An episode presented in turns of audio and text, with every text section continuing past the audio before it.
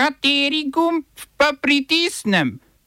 Tisti, na katerem piše OF.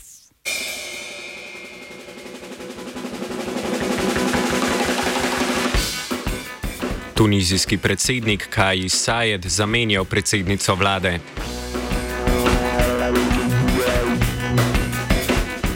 Niger odpira meje s petimi od sedmih sosednjih držav. Obtožnica proti Trumpu zaradi zarotništva in oviranja pravosodja.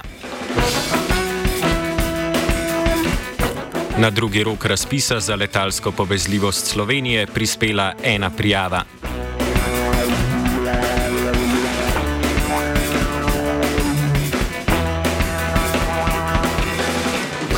Tunizijski predsednik Kajis Sajed je na položaju predsednice vlade zamenjal Nažlo Budan, ki je vodila vlado od leta 2021.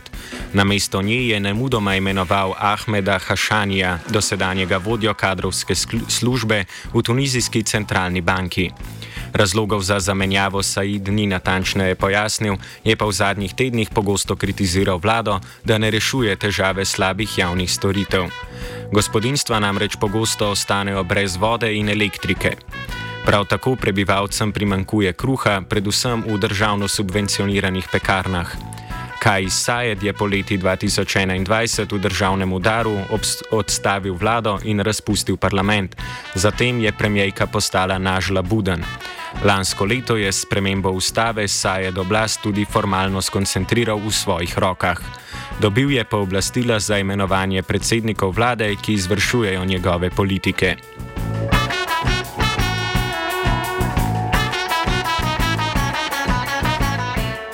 Niger je odprl kopenske in zračne meje s petimi sosednjimi državami, ki jih je zaprl po vojaškem državnem udaru pred tednom dni.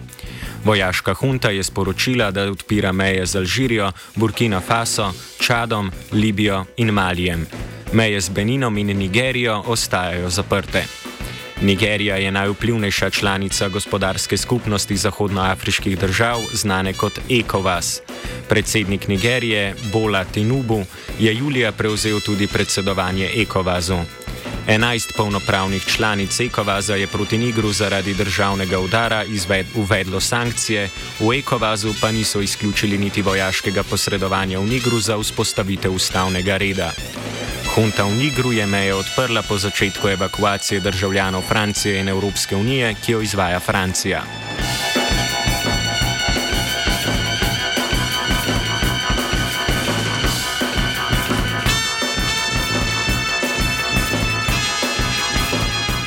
Tajska stranka za Tajce je sporočila, da bo za kandidata za predsednika vlade predlagala nepremičninskega mogotca Seto Tavisina.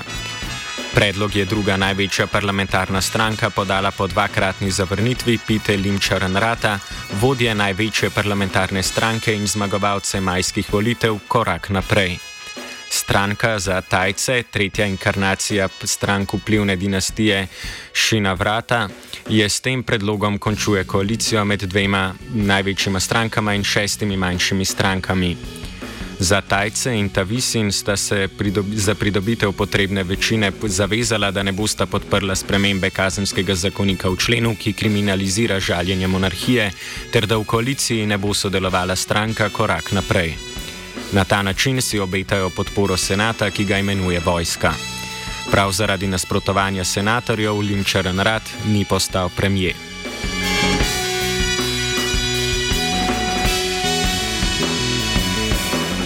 Kitajska je začela z omejevanjem izvoza Galija in Germanija, dveh pomembnih surovin za proizvodnjo elektronskih čipov. Z implementacijo novih pravil je za izvoz teh dveh elementov potrebno posebno dovoljenje Ministrstva za trgovino. Kitajska proizvede 80 odstotkov vsega Galija in 60 odstotkov vsega Germanija na svetu. Kitajska omejitev sledi ameri ameriškemu omejevanju izvoza tehnologije čipov na Kitajsko. Združenim državam Amerike sta sledili tudi Nizozemska in Japonska.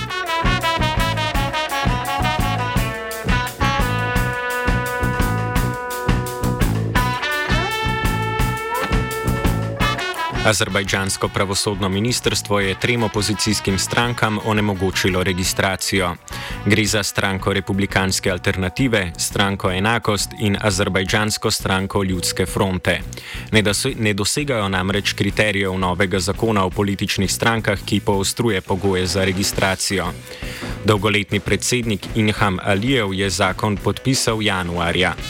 Po zakonu mora stranka imeti najmanj 5000 članov oziroma članic in mora predložiti njihov seznam z imeni, telefonskimi številkami, naslovi ter drugimi osebnimi podatki. Neregistrirane stranke nimajo pravice do kakršnega koli delovanja, kar vključuje tudi sestajanje članstva in finančne transakcije.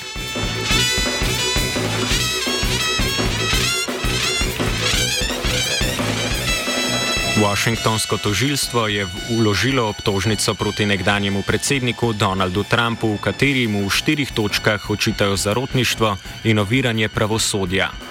Obtožnico je vložil posebni tožilec Jack Smith po potrditvi velike porote. Na 45 straneh je Smith opisal zaroto, ki naj bi jo Trump skoval, da bi dosegel razveljavitev predsedniških volitev leta 2020. Obtožnica je osredotočena predvsem na napad na Kapitol 6. januarja 2021 in na povezane dogodke.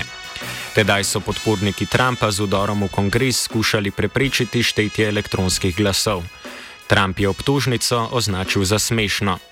Gre za tretjo potrjeno obtožnico proti Trumpu v zadnjem letu.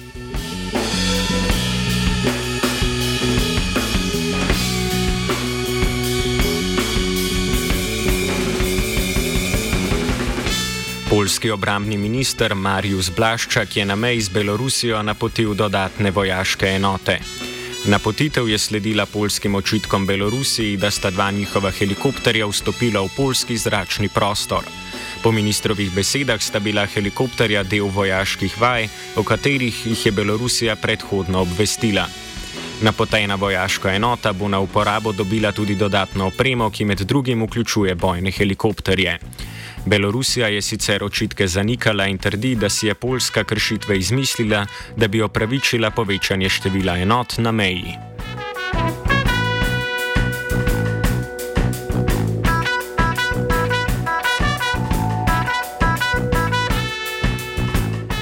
Polsko in ukrajinsko zunanje ministrstvo sta recipročno poklicala na zagovor veleposlanike druge države.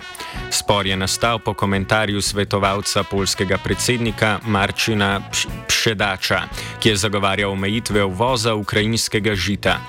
Pšedač je napovedal tudi, da bi Ukrajina morala pokazati več hvaležnosti za pomoč, ki jo je prejela od Polske. Ukrajina je na to na zagovor poklicala polskega veleposlanika in v pogovoru obsodila izjave ter jih označila za neresnične. V odziv je Poljska na pogovor poklicala ukrajinskega veleposlanika.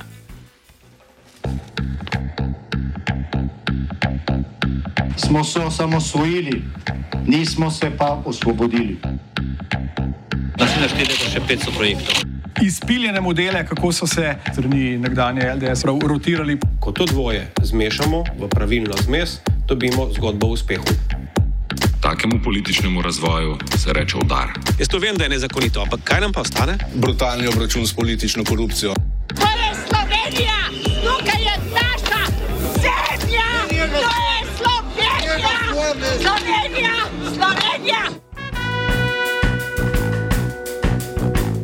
Ministrstvo za infrastrukturo je sporočilo, da se je na drugi rok javnega razpisa za večjo letalsko povezljivost Slovenije prijavil en letalski prevoznik in sicer latvijska letalska družba Air Baltic. Ta namerava s prihodnjim poletjem vzpostaviti letalsko povezavo med Brniškim letališčem in Rigo. Komisija za dodelitev pomoči mora sicer še preveriti, ali ponudnik izpolnjuje vse zahtevane pogoje za prejem subvencij v višini 50 odstotkov letaliških pristojbin. Infrastrukturo ministrstvo jeseni je načrtuje še tretji rok razpisa. Na prvem roku sta se na razpis prijavila luksemburški prevoznik LuxAir in črnogorski Tu Montenegro.